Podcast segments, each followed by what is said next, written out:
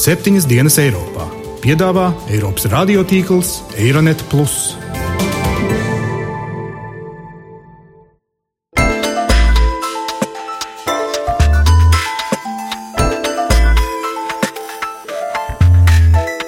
Šonadēļ septiņas dienas Eiropā dzirdēsim. Jauniešiem nav profesionālās pieredzes. Tad šajās valstīs situācija ar bezdarbu ir relatīvi labāka nekā citās valstīs. Mēs mācāmies viens no otra. Wherever you want to go, just go.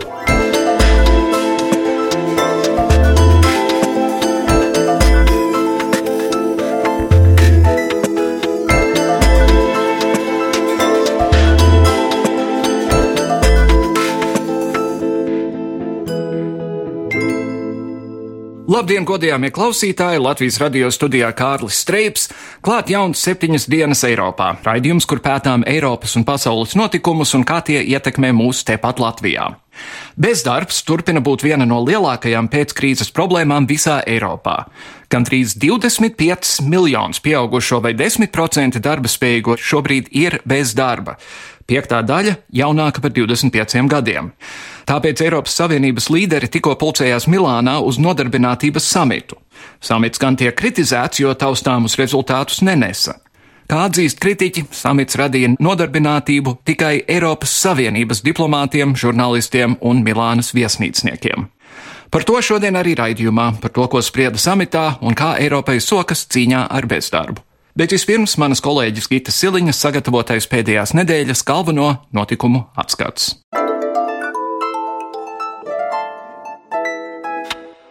Slovenijas izvirzītās un vēlāk komisijas noraidītās Alenkas Bratušekas nomaiņa radījusi plašākas izmaiņas topošā Eirokomisijas sastāvā nekā sākotnēji plānots. Bratušekas vietā Slovenija izvirzīja Violetu Bulcu. Taču Bratušekas paredzēto nozīmīgo priekšsēdētājas vietnieces amatu enerģētikas jautājumos viņai nepiedāvāja. Bulcai nav nekāda pieredze politikā.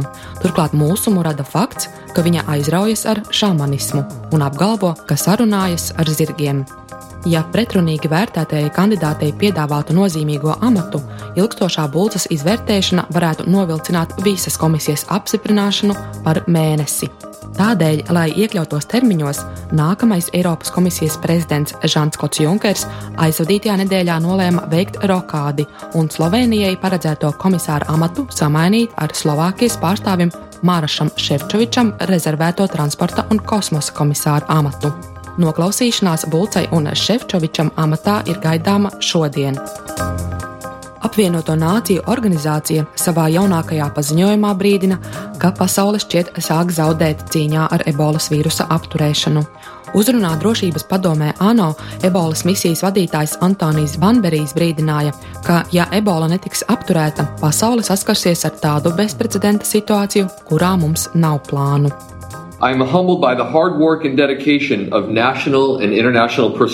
Es esmu pateicīgs par smago darbu un centību, ar kādu vietējais un starpvalstu personāls cīnās ar ebolu. Taču es esmu ļoti, ļoti nobažījies, ka šo visu nepietiks, lai ebolu apturētu. Ebola ir sākusi mūs pārspēt. and it is winning the race. Pasaules veselības organizācijas aplēses liecina, ka, ja slimības izplatība turpināsies, decembrī inficēšanas gadījumu skaits varētu sasniegt 5 līdz 10 tūkstošus ik nedēļu. Tāpat trijās slimības vissmagāk skartajās valstīs karantīna un robežu slēgšana radījusi bažas par tuvojošos pārtikas krīzi, skaidro Liberijas vēstnieks Itālijā Muhameds Šerifs. Even when we defeat Pat ja mēs sakausim ebolas vīrusu, nākošā krīze būs pārtikas krīze Liberijā, Sieraleonē un Gvinējā. Šobrīd neviens vairs neko nesēja. Cilvēki nespēja sanākt kopā, lai apkoptu laukus. Pretrunīga informācija aizvadītajā nedēļā pienāca no Ukrainas austrumiem. Gan ASV valsts sekretārs Džons Kerijs, gan arī Ukrainas Nacionālās drošības un aizsardzības padomes preses pārstāvis Andrijs Lisenko apstiprināja, ka Krievija ir sākusi atvilkt karaspēku no Ukrainas robežas.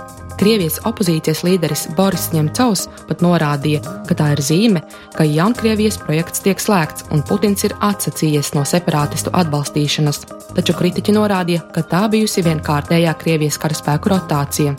Krievijas karavīru skaits Ukrainas pierobežā samazinājās līdz 2000, taču viņu vietā iegājušas jaunas vienības.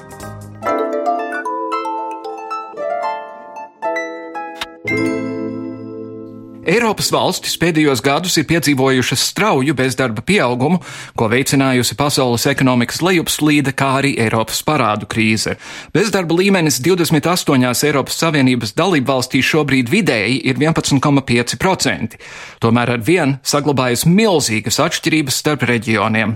Grieķijā ar 26,7% joprojām ir sliktākais bezdarba līmenis, tai cieši seko Spānija ar 25,3%, tikmēr Austrijā un Vācijā, kur ir tikai ap 5% bezdarbs, ir viszemākie rādītāji. Šogad Latvijā reģistrēto bezdarbnieku skaits mazliet samazinājies līdz 8,2%. Diemžēl pēdējos gados nav nekādu lielu izmaiņu, jo visās valstīs šie dati īpaši nemainās. Jauniešiem vecumā no 15 līdz 24 gadiem situācija ir pat vēl sliktāka, jo tiem bezdarba rādītāji pārsniedz 23%. Vairāk par to, kas Eiropā tiek darīts, lai mazinātu jauniešu bezdarbu, mana kolēģe Jāņa Kropa sižetā.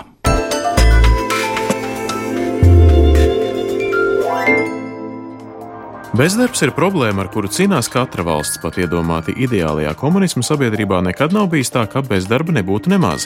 Eiropas Savienībā bezdarba rādītāji tiek uzskatīti kā diezgan augsti. Pēdējie dati liecina, ka bez darba ir 10,8% darba spējīgo eiropiešu.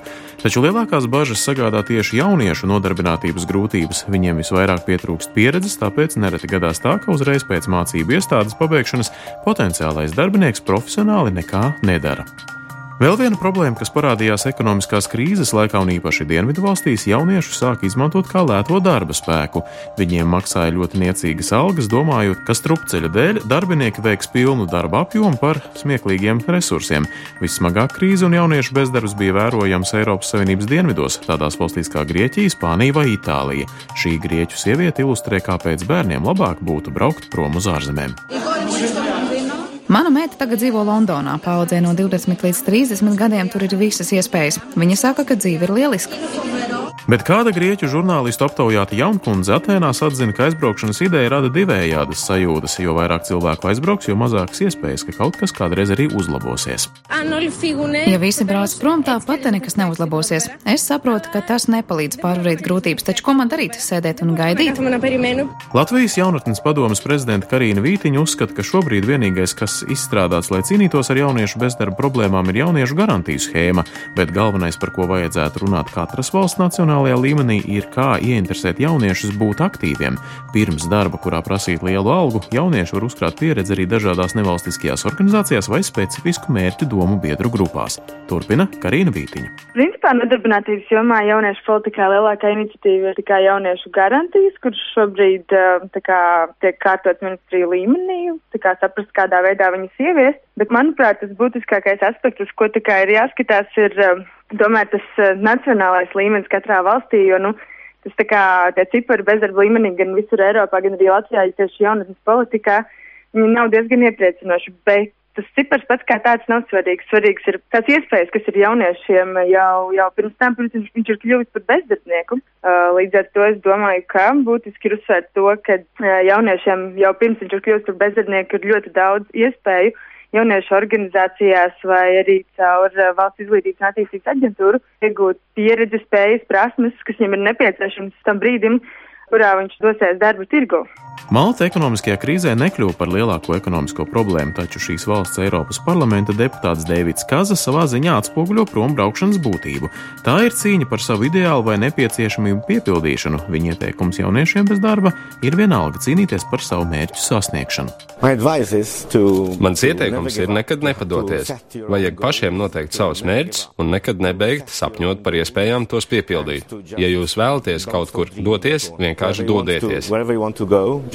Spējas pārkvalificēties vai ekonomiskā trimta ir sāpīga lieta lielā daļā Eiropas Savienības valstu. Skaidrs, ka ekonomiskās krīzes ietekmē Eiropā ar nodarbinātību ir grūtības ne tikai jauniešiem, bet arī pieaugušajiem. Tāpēc noteikti popularitāti iegūst tādi priekšlikumi kā vienotas minimālās algas, kopēja sociālā garantiju sistēma un, kas zina, varbūt arī līdzvērtīgas pensijas.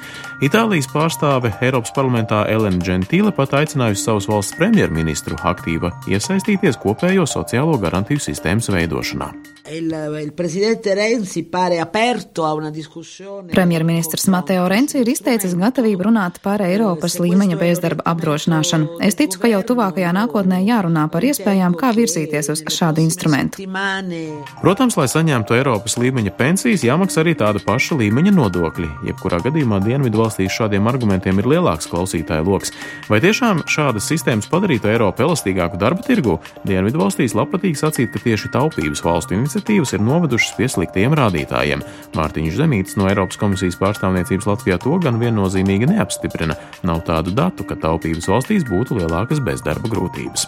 Ja mēs skatāmies tīri statistiski, tad tās valstis, kuras īstenībā ir vairāk nostājušās taupības pusē, Nīderlanda, Vācija, Austrija, tad šajās valstīs situācija ar bezdarbu un arī jauniešu bezdarbu ir relatīvi labāka nekā citās valstīs. Tā kā, nu, kas saka, itāļi var dažādi veidi argumentēt, tikai stimulējot, un īstenībā, no, tad, no kā tad viņi stimulēs, ja nav, ja nav naudas liekas, teiksim, stimulēšanas programmām, tad īsti nevar neko stimulēt. Līdz ar to tāda korelācija vilkt starp, starp nu, teiksim, taupību un stimulēšanu un teiksim, bezdarbu situāciju nu, Eiropā empīriski skatoties īsti, īsti nevar.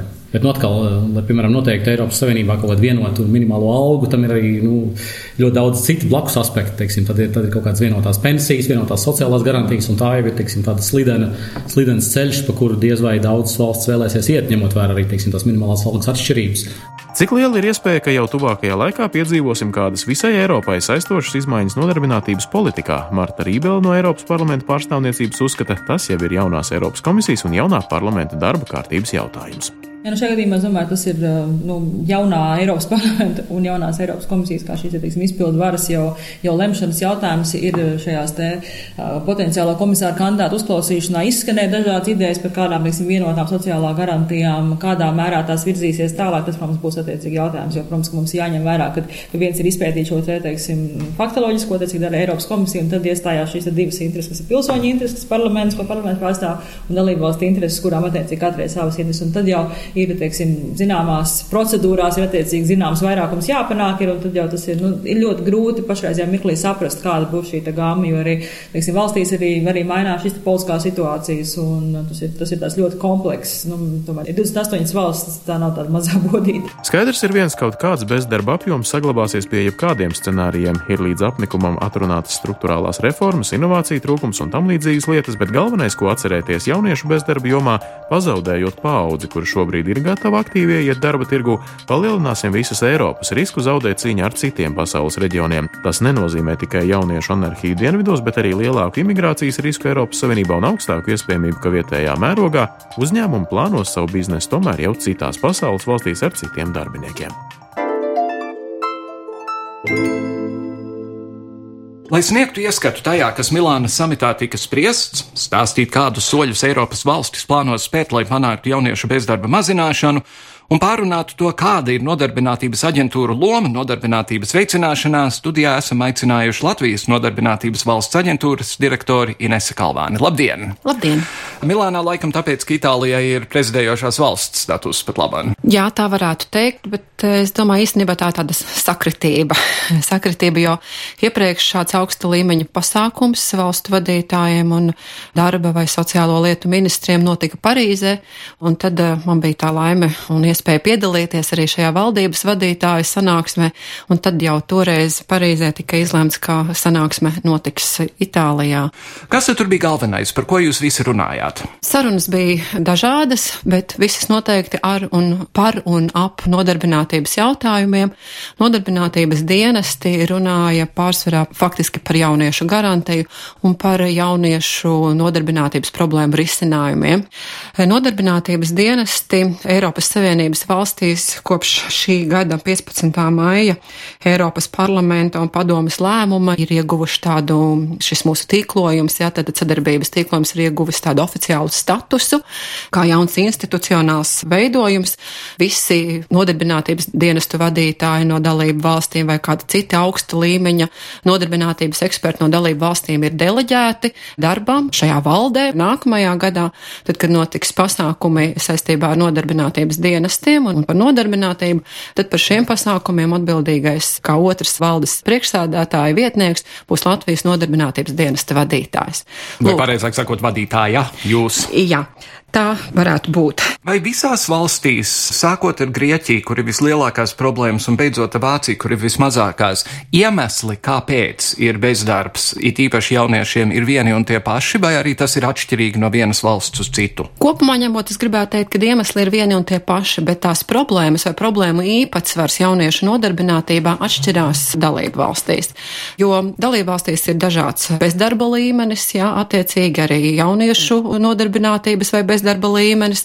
Tāpat tās dalību valstīs ir atšķirīgs saucamo nītu. Tātad mēs esam iesākuši lietot šo saīsinājumu, kas ir pirmie burti no, no angļu valodas, kas nozīmē jaunietis, kas nav ne izglītībā, ne nodarbinātībā. Tad šādu jauniešu īpatsvars dalību valstīs ir svārstīgs.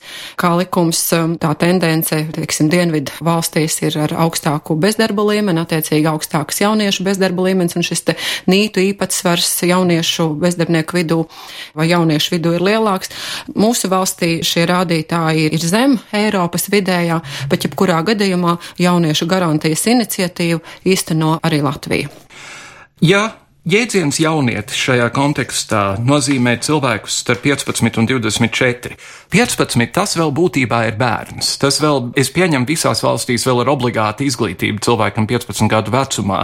Tā ir pilnīgi cita situācija nekā 24 gadus vecam jaunietim, kas iespējams jau ir pabeidzis augstāko izglītību un nevar darbu atrast. Jā, te pašā laikā jaunietis 15 gadu vecumā atbilstoši Latvijas likumdošanai un arī daudzu citu Eiropas Savienības valstu likumdošanai, viņš var būt arī darbinieks. Tad darba likums likums ir attiecināms uz cilvēkiem no 15 tātad, gadu vecumam. Bet runājot par jauniešu mērķa grupu, tad Eiropā un arī Latvijā mēs tomēr runājam par jaunieti, par jaunu cilvēku vecumā līdz 29 gadiem. Un arī Latvijā jauniešu garantijas programma ir plānota un, un tiek īstenota šai jauniešu mērķa grupai vecumā no 15 līdz 29 gadiem. Ir dažādi pasākumi, kur šis mērķa grupas vecums ir atšķirīgs, bet katrā ziņā ziņā atbalsts tiek sniegts arī jaunietim līdz 29 gadiem, un tas ir objektīvi, jo, piemēram, šī problēma ar pirmās darba pieredzes trūkumu, tātad jaunietim, ja ir teorētiskā zināšanas, bet nav šīs darba pieredzes, bieži vien līdz 24 gadu vecumam šo problēmu nemaz nevar atrisināt, jo jaunais cilvēks varbūt tās tikai augstskolu absolvē 24 gadu vecumā, un tātad viņš gan ir absolvējis augstskolu, gan arī izaudzis tad līdz 24 gadu vecumam, un dalība programmā tad viņam vairs nebūtu iespējama. Bet šī būtiskā problēma, viena viena no problēmām, kādēļ vispār ir jauniešiem šis bezdarbs, ir tas, ka jauniešiem nav profesionālās pieredzes, un darba devējs grib savā iestādē vai uzņēmumā redzēt kompetentu un arī pieredzējušu darbinieku. Šajā kontekstā katru gadu pavasarī laikrakstos ir rakstīts par to, ka tiek meklēti darba devēji, kas pavasaru varētu nodarbināt šos jaunos cilvēkus.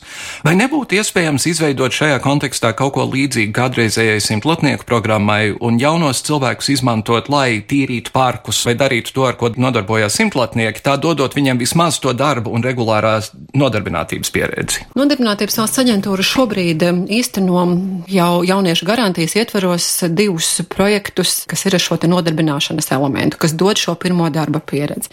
Viens no projektiem ir brīvprātīgā darba došana tātad, un piedāvāšana. Mēs sadarbojamies ar nevalstiskām organizācijām visā Latvijā, kuras eh, ņem eh, pie sevīm darbā, ja, tātad brīvprātīgajā darbā jauniešus, kuri ir bezdarbnieki. Un eh, šī pasākuma laikā nodarbinātības valsts aģentūra izmaksā jaunietim ikmēneša stipendiju, mm -hmm. tad darbs ir brīvprātīgs, bet stipendija tiek izmaksāta, lai nosaktu šos izdevumus, kas jaunajiem cilvēkiem ir, lai dotos uz darbu. Kādus darbus jaunieši dara šajā projektā? Tie ir projektu vadītāji asistenti, dažādi palīgi, skolotāju palīgi, tātad kvalificēti darbi, kas faktiski cilvēkam iedod pieredzi un arī faktiski pirmo ierakstu CV par to, ka darbs ir bijis un cilvēks sevi ir labi parādījis. Otrs projekts, kas ir um, domāts jauniešiem profesionālās pieredzes iegūšanai, arī tiek īstenots jauniešu garantijas ietvaros, un tas ir ir projekts, kuru mēs īstenojam kopā ar darba devējiem. Tātad eh, darba devēji, izmantojot aģentūras subsīdiju darba algai uz deviņiem mēnešiem, ņem pie saviem darbā jaunieti. Un tātad darba devējs tiek eh, stimulēts šādai rīcībai, jo viņam ir mazāk izdevumi atlīdzību, teiksim, finansēšanai, valsts nodotē šo atlīdzību. Savukārt jaunietis sevi var arī pierādīt kā labs praktiķis pēc sekmīgas šīs teorētisko zināšanu programmu apgūšanas. Mm -hmm. Un tad iespējams pat atrast pastāvīgu darbu. E, jā, un darbā iekārtošanās rādītāji pēc šīs darba pieredzes programmas mums ir ļoti labi. Tie ir, teiksim, divreiz labāki nekā, teiksim, pēc apmācību programmu iegūšanas, tiek svārstā 70-80% robežās, un tas ir tiešām labi vērtējums rādītājs. Un tas ir pieejams visiem pēc kārtas vai tikai tiem, kuri ir sarunājuši kaut kādu darbu? Protams, jūs nemaksājat subsīdiju kādam, kas neko nedara, bet, ja, teiksim, desmit cilvēki atrod darbu un nāk subsīdijas vai arī simts, jums ir pietiekami naudas, lai arī tiem pāriem 90 to samaksātu? Katru gadu mēs plānojam katram pasākumam apjomu. Protams, šie apjomi pasākumu īstenošanai nav, kā teikt, neierobežoti, bet mēs neesam arī sastapušies ar tādu problēmu, ka mēs kādam darba devējam vai jaunietim būtu atteikuši šo te projektu finansējuma trūkuma dēļ. Kādi ir priekšnoteikumi, lai projekts noteikti notiktu? Tātad eh, darba devējiem ir jābūt ar labu finanšu reputāciju, tātad eh, savukārt jaunietim ir jābūt reģistrētam kā nodarbinātības valsts aģentūras klientam, un tad faktiski ir šis darba devēja pieprasījums, vakance ar prasībām, kā jebkura parasta vakance. Jaunietim ir savs dzīves gājuma apraksts, savas eh, stiprās puses, kā teikt, izceltas, jo īpaši, ja, un tad notiek šī te vakance vakances prasību un piedāvājumu salāgošana un faktiski tikšanās darba devējiem ar jauno cilvēku, un līgums tiek noslēgts, un deviņus mēnešus notiek šī sadarbība. Vai aģentūra tad pārbaudīja pa brīdim, kas tur notiek? Jā, mēs pārbaudam. Mums ir ikmēneša kontrole, mēs dokumentus kontrolējam, lai varētu izmaksāt šo dotāciju. Mēs, protams, arī ierodamies pārbaudēs uz vietām, lai konstatētu faktisko projektu norisi, lai arī aprunātos ar darba devēju, uzzinātu, kā kāda varbūt viņam ir priekšlikuma, kā labāk pasākumu īstenot un aprunātos, protams, ar savu klientu, tad jaunieti, kas iegūst pirmo darba pieredzi. Un rezultāti mums pārsvarā ir pozitīvi šajām pārbaudēm, bet, protams, ir nācies arī atklāt problēmas, un tās tad mēs arī risinām. Ir arī gadījumi, kad sadarbību projektu ietvaros pārtraucam. Visādi cilvēki, visādi pieeja. Kādu lomu visā šajā lietā spēlēja emigrācija, jo to milzīgā skaita cilvēku starpā, kuri ir devušies uz Angliju un Īriju un citur, es pieņemu, ka ja ne vairākums, tad vismaz ļoti liela daļa ir no tiem, kas ir šajā grupā 15, 29. Lielākais, ja mēs, mēs skatāmies emigrējošo cilvēku vecuma struktūru pēc uh, publiskajiem datiem un analizējam arī tos datus, kas ir nodarbinātības valsts aģentūras rīcībā. Ar to es domāju, mums ir dati par to, kādi cilvēki interesējās mūsu eures tīklā par darbu ārzemēs. Tad man ir jāsaka, ka tie mobilākie ar interesi par darbu ārzemēs un tie mobilākie cilvēki darbam ārzemēs ir tomēr drusku vecāki. Nevis līdz 24 gadiem, bet kaut kur 30, 34.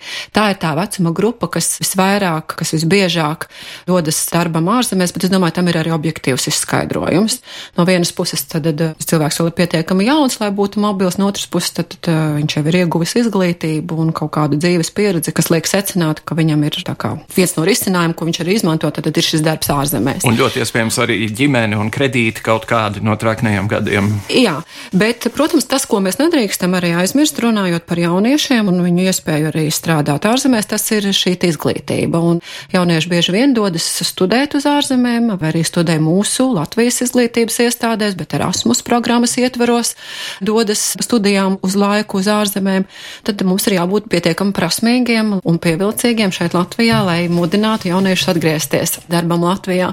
Bet šeit, es domāju, laba ir arī mūsu somu kolēģu pieredze, un tad, kad mēs esam kādreiz runājušies, kas tad ir tas Somijas veiksmes stāsts, bieži vien mēs sakam, ka tas, kas ir veiksmīgi Somijai bijis, tas ir Nokia. Jā? Tas tagad pieder daļai vāciešiem. jā, tad tas, ko Somija Somu saka, ka viņi ir bijuši pietiekami gudri, viņi ir veicinājuši savus jaunatnes izglītošanos, tā skaitā arī izglītošanos ārzemēs, un tad šie labi skolotie jaunieši atgriežas atpakaļ savā dzimtenē un, un darbojās savā tautsēmniecībā un valsts to bagātāk. Mm -hmm. Un Somija vienmēr ir topā kaut kur, tad, kad ir izglītības sistēmas tiek vērtētas. Jā, mēs arī daudz ko mācāmies no somu kolēģiem. Ir, teiksim, ja mēs salīdzinām tā, kā, kā strādā nodarbinātības dienesti vai, teiksim, kā tiek īstenot nodarbinātības nodarbinātības veicināšanas pasākumu. Mums ir ko pamācīties no somu kolēģiem, bet te pašā laikā es gribētu teikt, ka mums ir arī pašiem tāda pieredze, kur mēs varētu pat tā kā sacensties ar somu kolēģiem, kuriem tad tas darbs izdodas labāk. Šeit es runāju par darba tirgus prognozēšanas lietām. Somu kolēģi taisa tādu nodarbinātības barometru, kur viņi publicē, viņi analizē un publicē datus par darba tirgus pieprasījumu, kāds Somijā ir kā atsevišķos reģionos. Nodarbinātības valsts aģentūra arī ar to nodarbojās, bet mums šis rīks ir elektronisks un pieejams mūsu mājaslapā. Pavisam nesen mani kolēģi atgriezās no tādas mācību vizītes, ar to saprotot, ka šis nodarbinātības dienas tīkls, par ko mēs runājam sākumā, viens no mūsu uzdevumiem, ko mēs darām, mēs mācāmies viens no otra. Lūk, un šāds mācību pasākums nu pat notikās Somijā, kur vairāku valstu pārstāvji tieši diskutēja par to, kā tiek prognozēts pieprasījums darba tirgu un kā šī informācija tiek novadīta līdz sabiedrībai un kā to strādā nodarbinātības dienestu pārstāvji. Tā kā mums bija gan ko paklausīties, gan ko par sevi arī pastāstīt. Tradicionāli, tad, kad runā par bezdarbu, viena grupa, pa kuru runā kā par sevišķi lielu riska grupu, ir cilvēki pirms pensijas vecumā, un es pieņemu, ka mūsu klausītāju vidū ir vairāk tādu nekā jauniešu. Vai tā joprojām ir problēma, vai tas ir kaut kas, kas ir vairāk vai mazāk atrisinājies? Nē, tas nav atrisinājies, un tā ir problēma. Tā ir problēma Latvijas darba tirgu, jo visiem šiem reģistrētajiem bezdarbniekiem, kas šobrīd ir aģentūras klienti, ir 79 tūkstoši, nedaudz vairāk, 37% ir šajā vecuma grupā mm. 50 plus, un puse no šiem cilvēkiem ir bez darba gadu un vairāk. Tā ir problēma, un mums ir jādomā, kā šo problēmu risināt, un plāni mums ir, un mēs plānojam arī jaunajā plānošanas periodā šim mērķim izmantot arī struktūra fondu atbalstu un atrast vēl citus inovatīvus risinājumus, attīstīt starp sektorālo, starp institucionālo sadarbību. Šobrīd mums ir programmas, ko mēs piedāvājam arī cilvēkiem, kuriem grūtības atrast darbu vai kurus nelabprāt darba devējs grib ņemt darbā. Mēs piedāvājam subsidētās nodarbinātības programmas, ir pārkvalifikācijas programmas, mūža izglītības programma, kuru mums šobrīd jau beidzās, bet nākamajā plānošanas periodā turpināsies citā institūcijā. Tas viss notiek, bet es domāju, ka, lai, nu, ņemot vērā arī tā, ka šie cilvēki jau ir, liela daļa no tiem ir bez darba ļoti, ļoti ilgu laiku, tad tur ir nepieciešama arī jauna risinājuma un tie ir jāatrod. Jā, par izglītību. Latvijas universitātē, kur es arī strādāju, mēs katru gadu uzņemam lielu bāru jauniešu, kas vēlas studēt žurnālistiku. Un tad, kad es ar savu grupu pirmoreiz satiekos, lai viņiem mācītu ziņu rakstīšanu, gandrīz pirmais, ko es viņiem saku, ir, diemžēl, lielākoties jūs mūsu profesijā nestrādāsiet, tāpēc, ka mūsu valstī laikrakstu ir tik, cik to ir. Ja jūs vēlaties būt laikrakstu žurnālists, tad iespējas ir krietni ierobežotas. Par to ir daudz runāts, ka pietrūkst studentu fizikā un ķīmijā, kur varbūt ir konkrētāki darbi, bet ir milzīgs skaits humanitārajās zinātnēs, kur ar to darbu tā ir kā ir žurnālistiem, sabiedrisko attiecību speciālistiem, politologiem, sociologiem un tā tālāk un tā joprojām. Vai tas nav, es, protams, nodarbinātības valsts aģentūras lauciņš, bet vai ir kaut kas, ko tur var darīt lietas labā, un vai vajag kaut ko darīt lietas labā? Ziniet, es teikšu tā, ka es domāju, pirmkārt, mums katram ir tiesības mēģināt strādāt tajā profesijā, kur mēs domājam, ka mēs būsim vislabākie. Bet, protams, mēs arī paši atbildām par to risku, ko mēs uzņemamies, skaidri saprotot, ka mēs izvēlamies studēt tādu specialitāti, tādu profesiju, kur šobrīd darba tirgu ir pārprodukcija. Un tad atkal ir vieta diskusijai, ko tad nozīmē šī pārprodukcija, un vai tas ir kaut kāds gals, un, un tas nozīmē jaunu kvalifikācijas iegūšanu. Es domāju, ka izglītība kā tāda, jo izglītotāka mēs esam kā sabiedrība, es domāju, mēs esam ieguvēji kopumā, gan sabiedrība, gan katrs indivīds, jo tad mēs spēsim gan situāciju analizēt, novērtēt, atrast sev labāko risinājumu. Tā kā augstākās izglītības iegūšana, ja vien tas ir iespējams, tas jebkurā gadījumā būs ieguvums. Tas, ka nāksies strādāt eh, citā specialitātē, ar to tad ir jārēķinās, un vienmēr tāda šaura specializācija būs nu, arī ar, ar lielāku risku, ka varbūt tās nebūs tā laimīgā mhm. loza tajā savā profesijā. Ir jāmācās skatīties uz lietām plašāk, un, protams, ja jaunais cilvēks ir apņēmies kļūt par vislabāko žurnālistu un organizēt intervijas tikpat labi vai vēl labāk kā Kārlis Streips, kādēļ nē? Kādēļ nē? Jā, konkurence vienmēr ir laba lieta.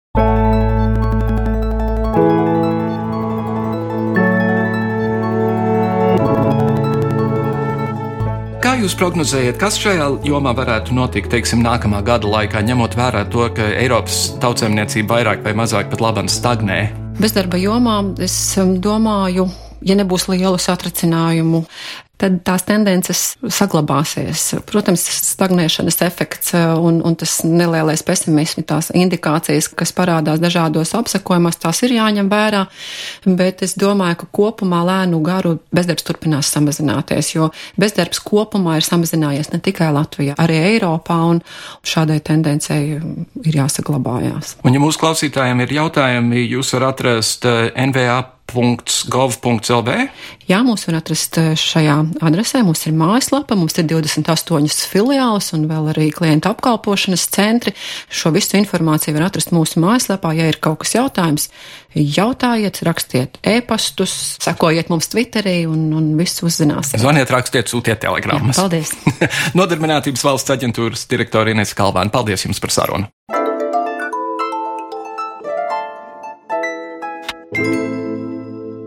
Jau gandrīz 300 dienas. Žurnālists Pēteris Greste un viņa kolēģi sēž Eģiptiešu cietumā tik vien par to, ka pildīja savus darba pienākumus. Mēs septiņas dienas Eiropā sekojam lietas attīstībai un ceram, ka tiks atrasta drīza iespēja atbrīvot mūsuprāt netaisnīgi notiesātos žurnālistus. Pašlaik Pēterim Grestem Ēģiptes tiesā ir cerības uz kasācijas tiesas lēmumu. Dokumenti ir iesniegti, bet, diemžēl, Pētera tēvs Juris Greste nav optimistiski noskaņots par sagaidāmo. Vispirms jāsaka, tāda speciāla zīme mums nav. Tas stāvoklis, kāds eh, bija, jāsaka, pāris mēnešus atpakaļ, turpinājās. Mūsu patreizējās lielākās rūpes ir par to, kad mums ir eh, nu, apliecinājums, jeb eh, kvīta, ka tie apelācijas dokumenti ir iesniegti, bet vairāk nekas nav zināms. Nu, vārds sakot, tā lietai nav nekāds numurs iedots, lai mēs varētu sekot kaut kādā veidā, kur tas iesniegums patreiz ir. Un jāsaka, tas mūs krenķē ļoti. Bet, nu, citādi saku, nekādu jaunumu nav. Mums ir prieks teikt, ka Pēters vēl ļoti labi turās. Viņš turās ļoti drosmīgi. Bet, nu, man nesaprotu, kad arī vīri, kas ir, ne, cieti koki, kādreiz sāka drups, vai ne, ja pārāk ilgi ir jādzīvo tādā nenoteiktībā it sevišķi, ja tev tā apziņa un pārliecība ir, ka tu esi eh, simtprocentīgi nevainīgs. Un tā lieta eh, dienu no dienas vai ne nemainās. Tas iesniegums tai lietas pārskatai liekas ir kaut kādā sprostā. Nu, eh, tā ir vienkārši minēšana un sēšana, jo nekāda faktiski būtiska informācija mums par to nav. Tā ir vienkārši cerība. Ar to arī, dāmas un kungi, beidzas šīs nedēļas septiņas dienas Eiropā. Bezdarbs ir viena briesmīga lieta, bet tas, ko mēs esam dzirdējuši par Pēteru Gresti, norāda uz to, ka arī žurnālistika var būt pietiekami bīstama profesija. Vai savu darbu dari Eģiptē un tevi aiztur tāpēc, ka tu esi kritizējis valdību, vai arī tu to dari, teiksim, Irākā vai Sīrijā un kļūsti par upuri tam, kas tur notiek, arī žurnālistikas darbs var būt pietiekami smags. Paldies, ka šodien klausījāties. Nākamnedēļ atgriezīsimies šajā pašā laikā. Pagaidām Kārlis Streips jums saka visu labu!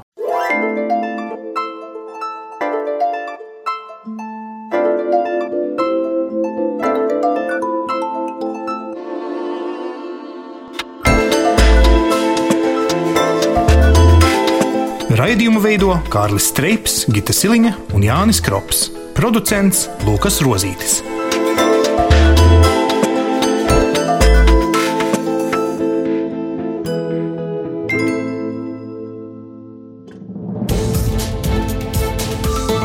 Visus Eironet plus sižetus un raidījumus meklējiet Latvijas radio mājaslapā.